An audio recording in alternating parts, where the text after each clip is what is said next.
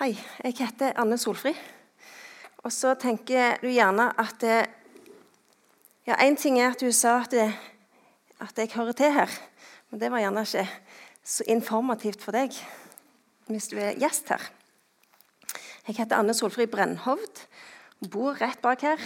Eh, og går i fokus til vanlig. Har tre unger og jobber i en liten kristen organisasjon.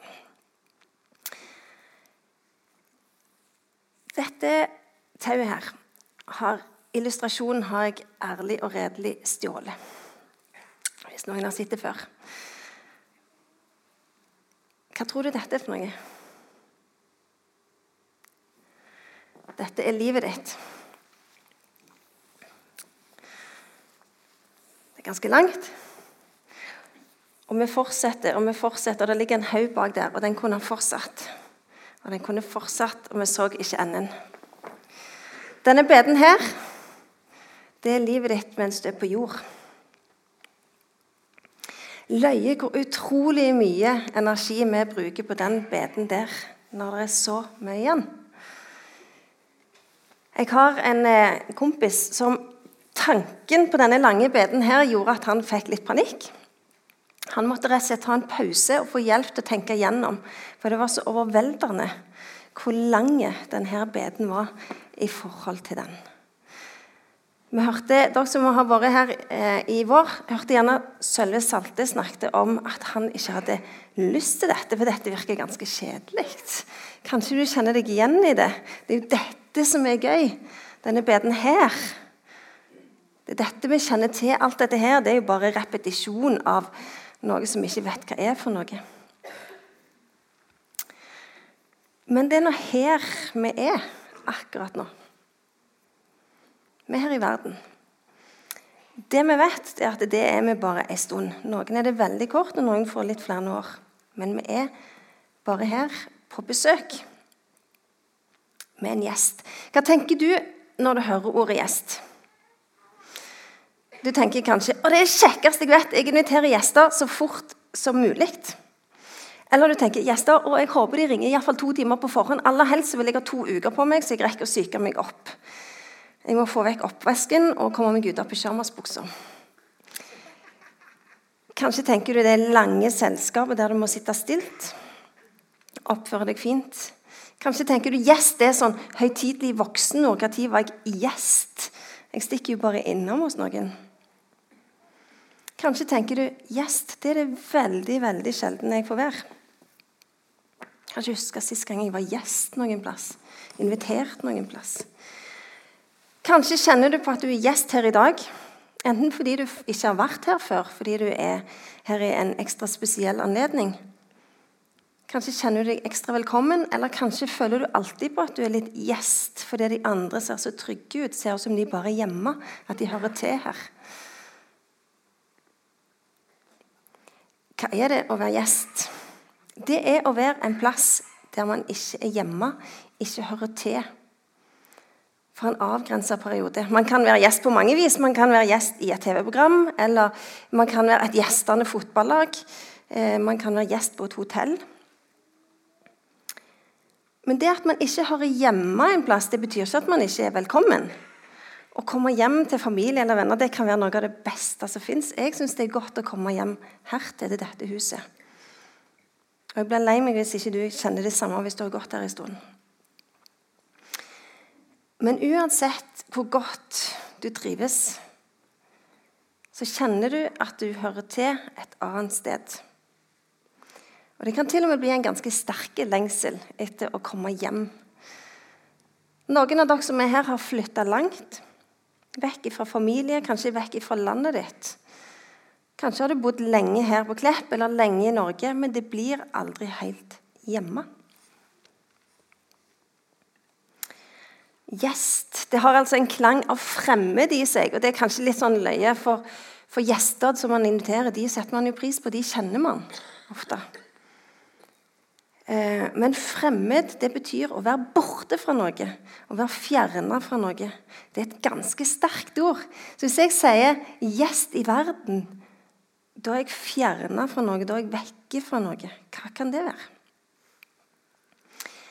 Så fins det enormt mange måter å være gjest på. Vi skal se på noen av de, og jeg vet jeg kunne hatt 20 flere.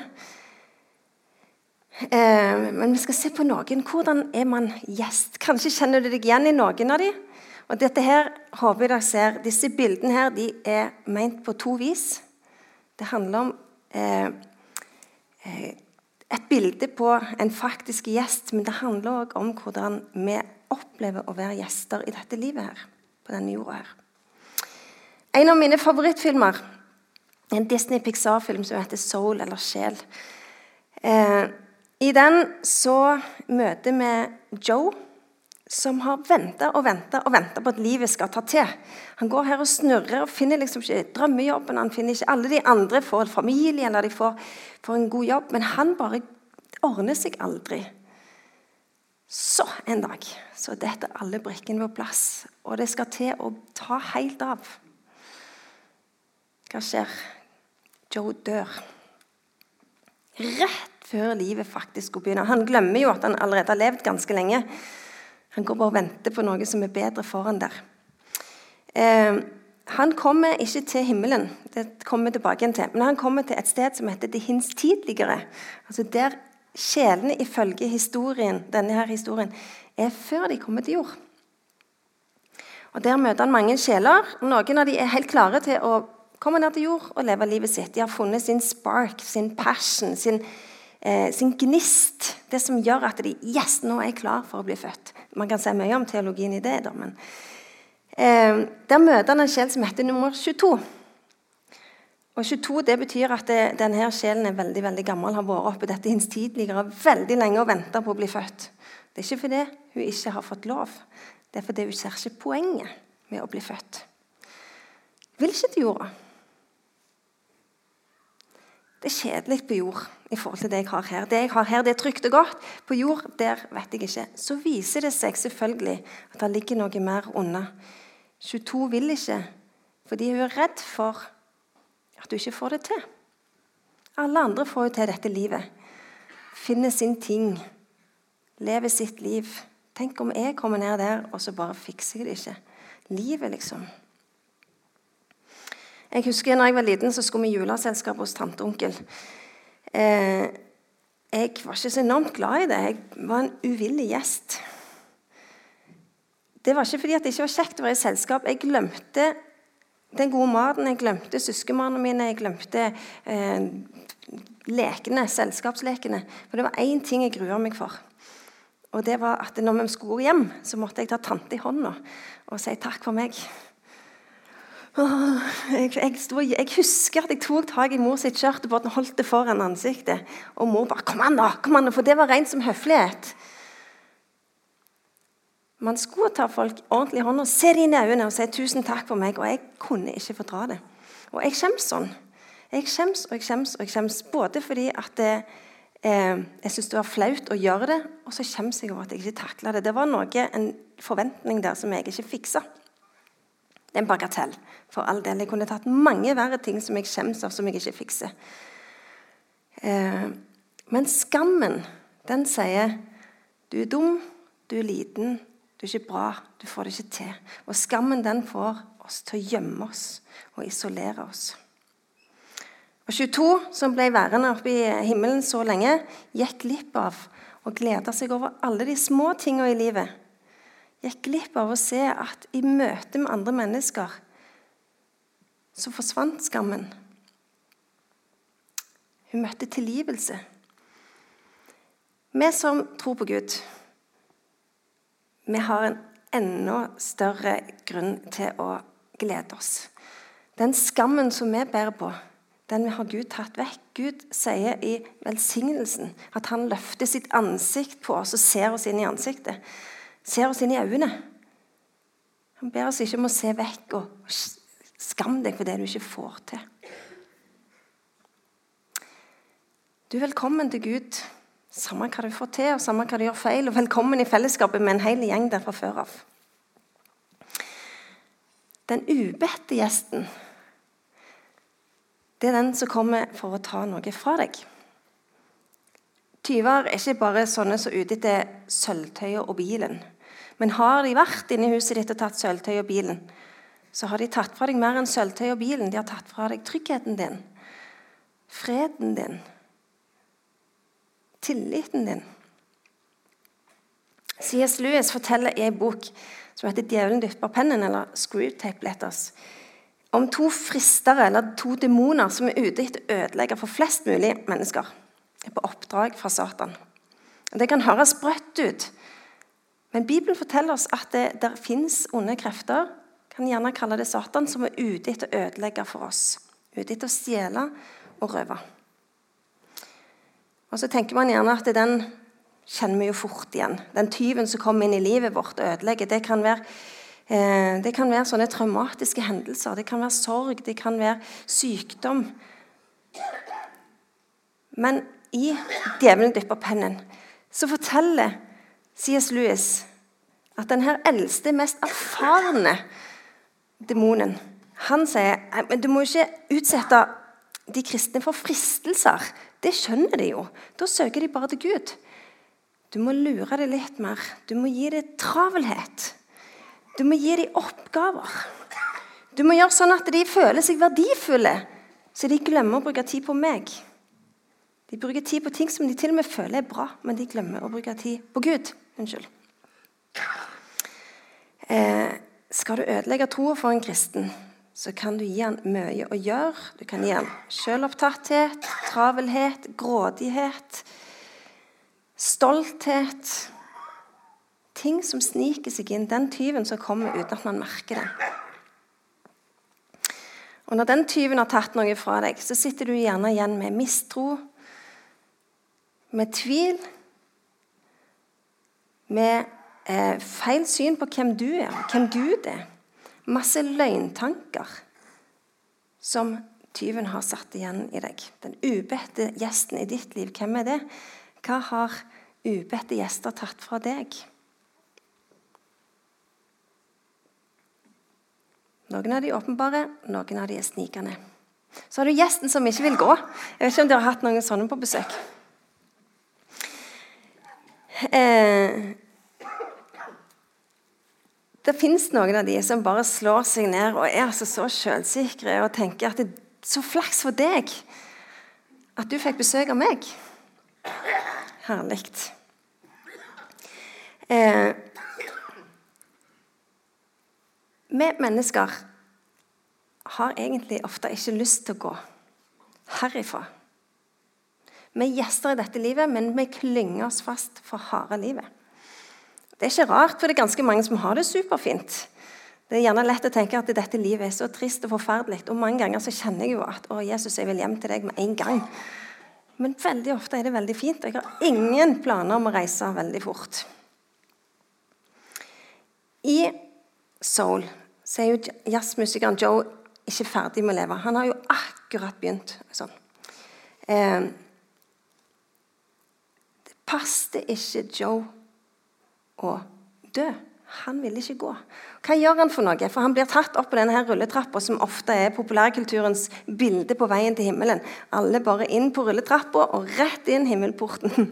For det første, det er ikke sikkert himmelen er over oss. Det er en én sak. For det andre, hvem står på den rulletrappa? Hvem kommer inn? Det er en annen, enda en annen sak.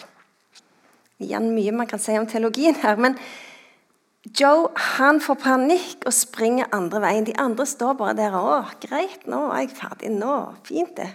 Men han får helt pusteproblemer. 'Jeg kan ikke dø nå.' Og snur og springer som en galen tilbake igjen. Han vil ikke gå. Han var ikke klar. Men hva hadde han gjort med den tida han faktisk hadde fått? Satt han bare og venta på at det, nå skal bare universet legge alt klart for meg. Så kan jeg bare gå liksom i Alt bare ordner seg. Ehm, jeg tror mange ganger grunnen til at vi ikke vil gå, det er at vi har mennesker rundt oss som vi er glad i. Men vi har òg mange ting og tang som binder oss til jorda. Ehm, skal vi helst bare leve i telt? Skal vi gi vekk alt vi eier? Skal vi Eh, skal vi gjøre som de første kristne, bare flytte inn og så bare dele med alt? Vi bare selger alt og så bruker vi pengene på at alle skal ha nok mat. hva Jeg vet ikke om jeg har noe svar. Men jeg har lyst til at nå når fastetida nærmer seg, så kan vi ta en liten runde og si hva er det som gjør at jeg er så enormt bundet til å være her på jorda? Hva er det som tar min tid? Hva er det som gjør at jeg er så festa til denne plassen? Klart at du kan kjenne Guds rike med å reise til Kina som misjonær. Men du kan kjenne Guds rike her òg. Det er ikke det Gud spør deg om, og nødvendigvis eh, oppgi alt du er glad i. Den rike unge mannen den spurte han faktisk om det. Han sa jeg kan gjøre alt for deg. Ja, men du, Da kan du bare gi fra deg det du eier. Selge det. Gi det fra deg. Nei, der går grensa. Sorry. Ferdig. Der. Det var nok. Da kan jeg dessverre ikke. Så gir han opp hele framtid for å beholde de tingene han eier, som han allikevel ikke får ta med seg. Jeg tror ikke nødvendigvis at for alle så handler det om huset ditt eller hytta di eller bilen din eller jobben din. eller eh, Det handler om trygghet. Jeg har nok penger til å kjøpe meg mat i morgen. Jeg har tak over hodet. Jeg har en jobb som jeg mestrer. Jeg får det til.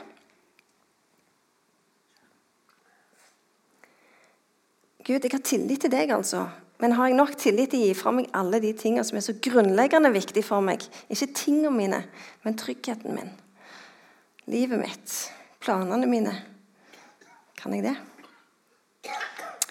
Joe fikk aldri se himmelen. Han snudde jo, og, og, det ordnet seg på et eller annet vis. Det kan godt være at han, hvis han hadde fått sitt et glimt av himmelen, så hadde han aldri ville snudd. Um, men jeg tror at hjertet vårt blir så fullt av muligheter her nede at vi tror ikke at himmelen kan måle seg. Vi blir så enormt opptatt av den her at vi tror dette her ikke er verdifullt nok. Så sitter vi her, ca. her jeg, håper jeg. Vet ikke. Vet jo ikke. Det kan godt være at, det, at min bed er litt lengre eller litt kortere. det vet jeg ikke. Se at jeg sitter midt på. Så sitter jeg og sparer og sparer sparer, sparer til at jeg skal, når jeg kommer dertil, da, da skal livet bli kjempebra. Da skal jeg sitte med pensjonen min og tida mi og reisen min og friheten min. Så er det dette her det egentlig handler om.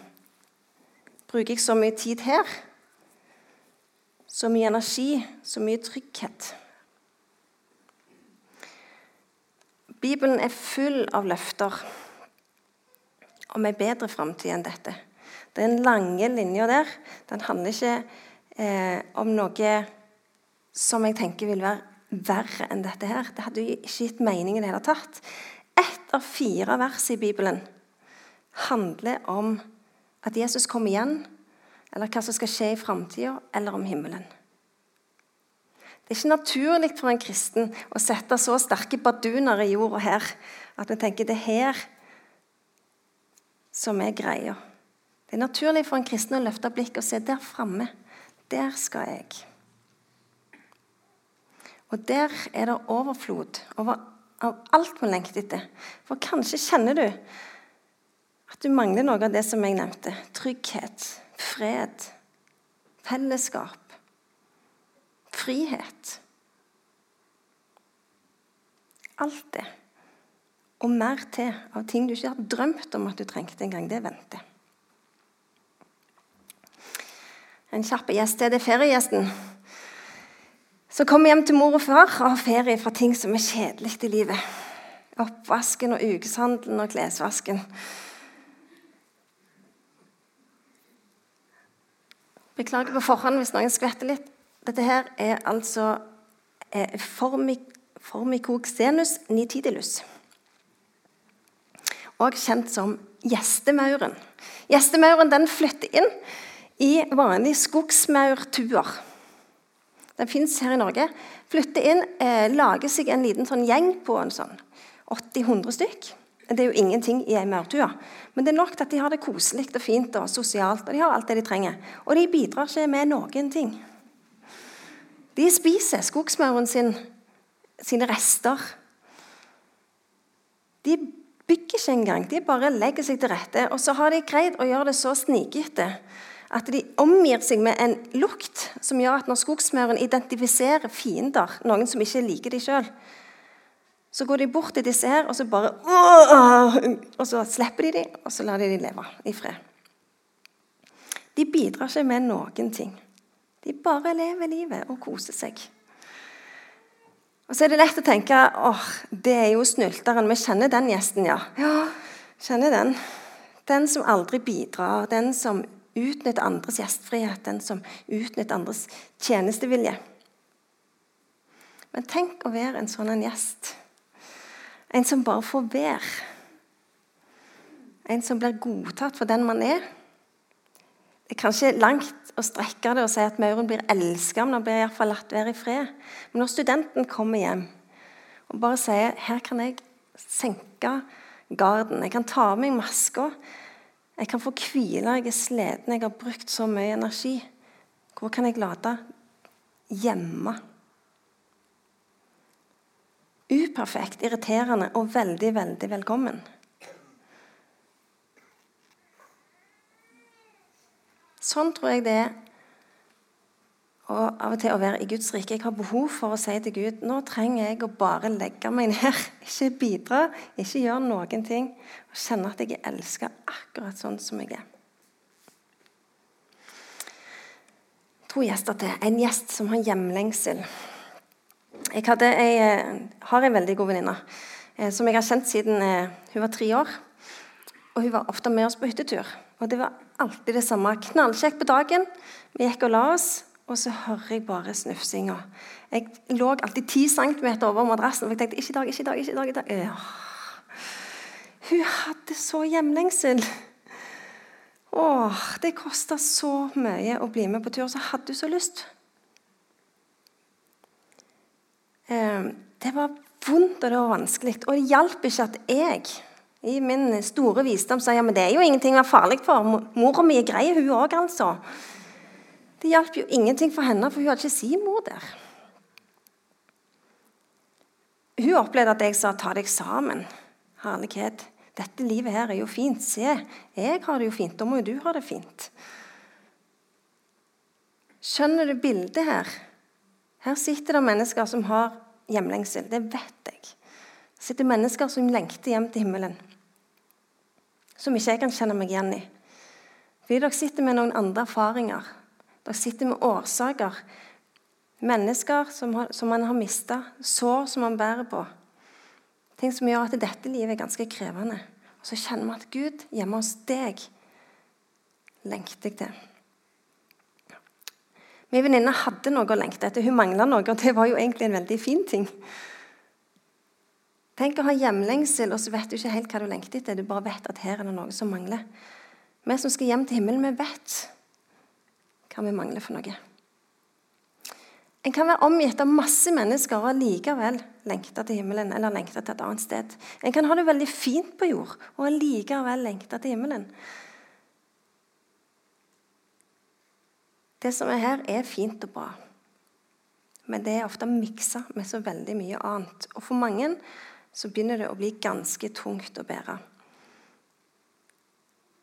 Jeg håper at vi har omtanke og ekstra raushet for de som har hjemlengsel. Og jeg kjenner jo, når man leser nyheter for tida, at kjære Gud, dette må du komme og få slutt på. Mennesker som lider så enormt mye.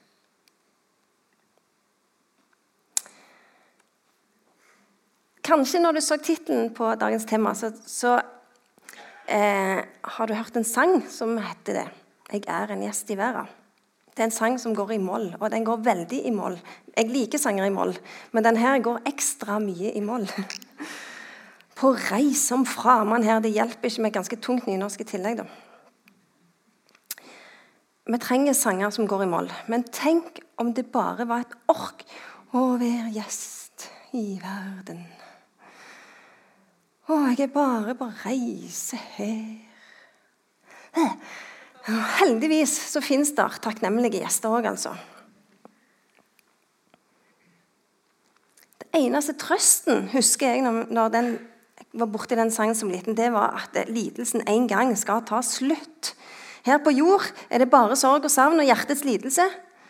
Og Jeg skjønte det ikke, for jeg savna ikke så mye. Jeg hadde alt jeg trengte. Jeg hadde milkshake og fleskepannekaker og skogen rett bak huset og masse venner. En haug med bøker. Jeg hadde det kjempefint. Og så skulle vi synge at det er så forferdelig å være her på jord. Det mangla bare en Walkman. Den fikk jeg aldri. Jeg er ikke bitter for det. Eh, men jeg har ikke glemt den takknemlige gjesten. Den som ser alt verten har gjort. Som nyter maten. Som gleder seg over selskapet. Over å bli regna med. Å bli invitert. Over ei skikkelig latterkule eller over soloppgangen eller over gode ord. All god gave og all fullkommen gave kommer ovenfra, leser vi i Det nye testamentet. Det er Gud som har gitt oss de tingene òg. Og vi har så lov til å glede oss når vi har hjelp på jord, over alle de gode tingene. De er bare en skygge allikevel av det som venter. Den beste soloppgangen kan ikke måle seg mot det som er i vente. Um, utfordringen er at av og til så blir det skapte, det gode, det blir en erstatning for skaperen sjøl.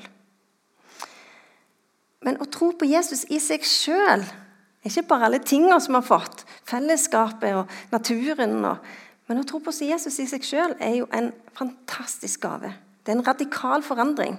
Og vi sang frihet. Frihet her på jord. Det er ikke bare noe som vi må holde ut her nede. Og så En gang når vi kommer til himmelen, da skal vi få oppleve noe godt. Vi skal få oppleve tilgivelse og frihet og nåde her på jord.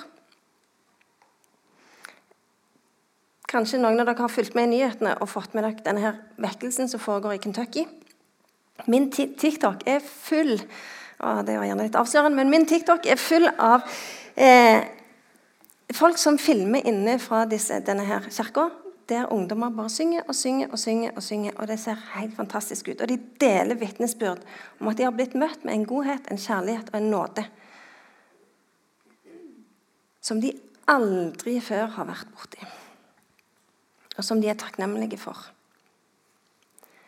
Ærefrykt og takknemlighet er de to ordene som går igjen.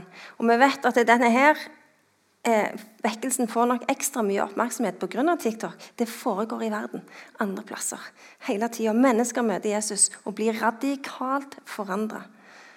Og opplever takknemlighet på et helt nytt nivå. Men sjøl den takknemlige gjesten vet at besøket tar slutt. Festen er over en gang. Solnedgangen den blir til nattemørke. Så kan en fortsatt være takknemlig for livet. Men det blir peanøtter i møte med det som venter. Og hvis Jesus bare gir oss et bedre liv her og nå mens vi er gjester, så er Paulus ganske streng. Og sier han, Da er de kristne rett og slett ynkelige. Det er jo et forferdelig ord. Da er de ynkelige hvis de bare går til Jesus for å få et bedre liv her på jord. Det er jo ikke alltid det skjer engang. Alt i den kristne troa ramler sammen uten håp om evig liv.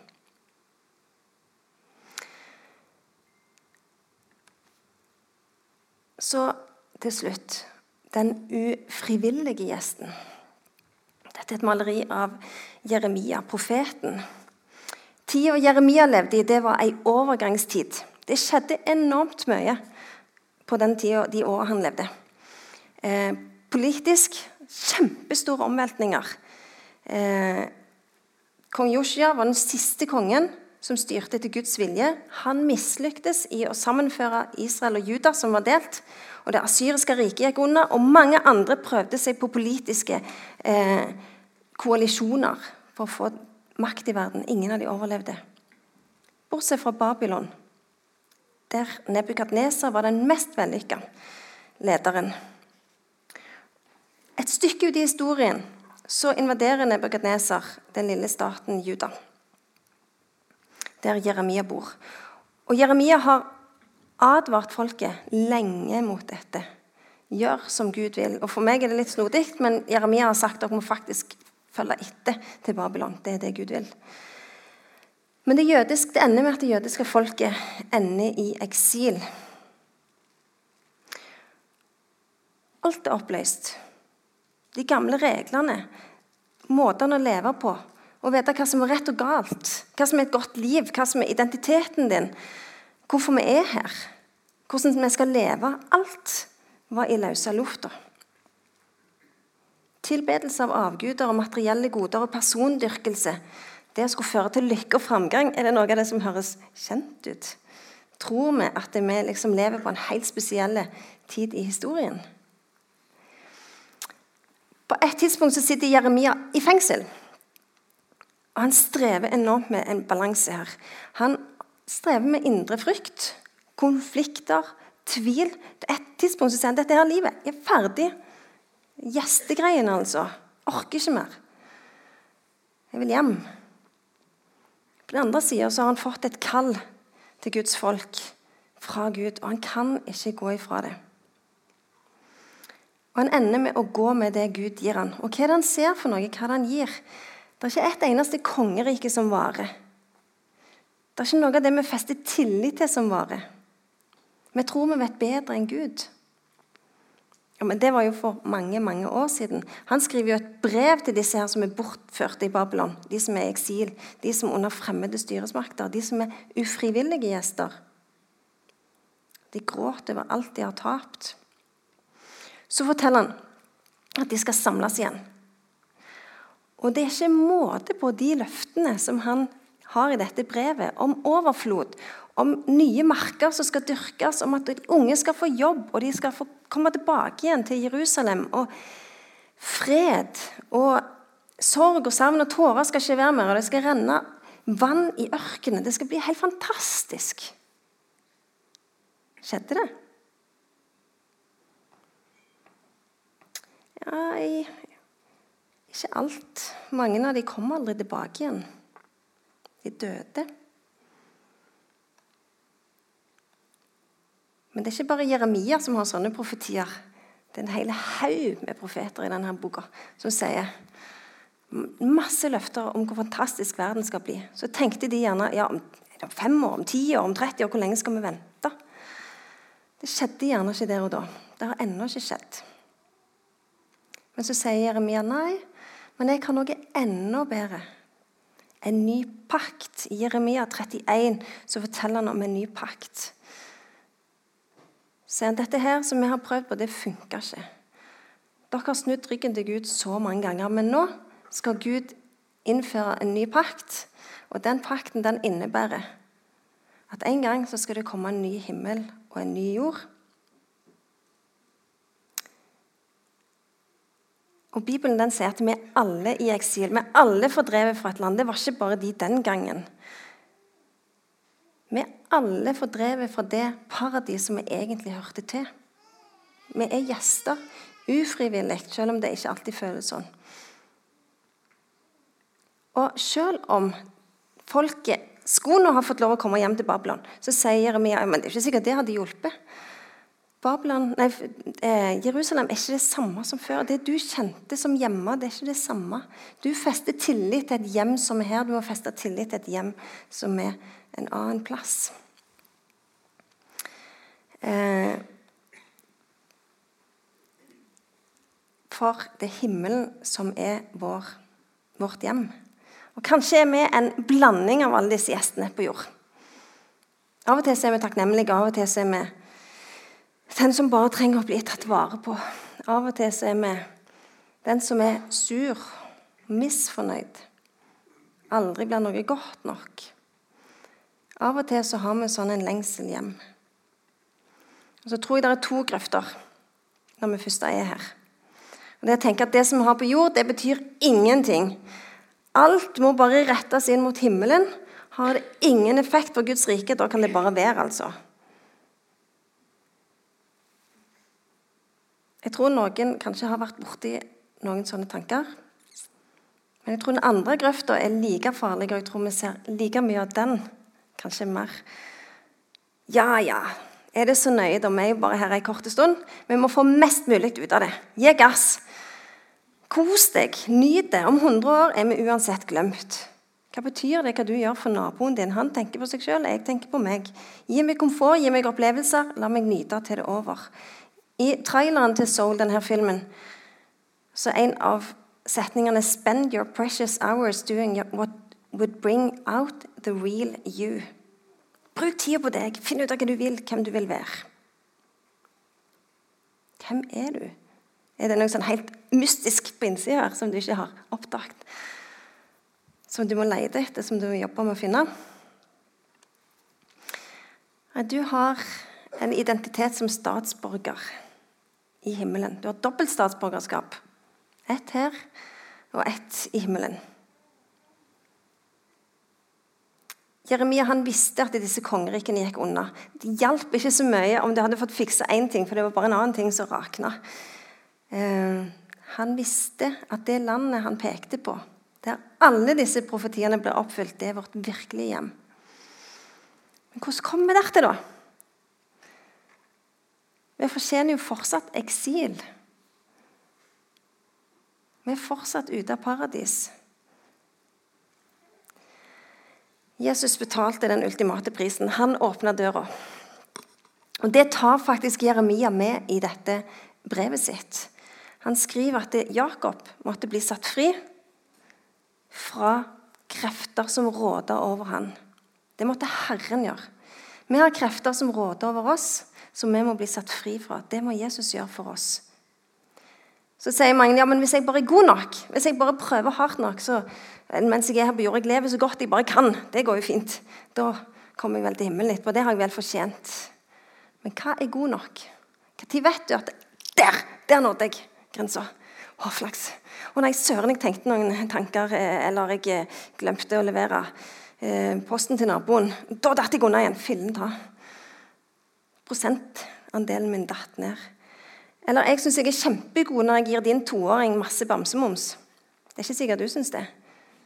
Vi har kanskje litt forskjellig syn på hva som er godt og hva som er vondt. Kanskje bruker sjøl som målestokk og sier jeg, jeg har vært god nok, så jeg har fortjent det. Kongeriket som venter på oss, det er virkelig fordi kongen er virkelig.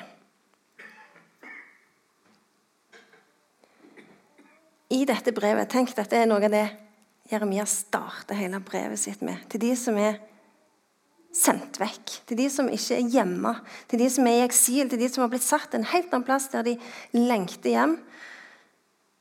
De er urolige, de er redde, de har blitt fratatt alt det de kjente.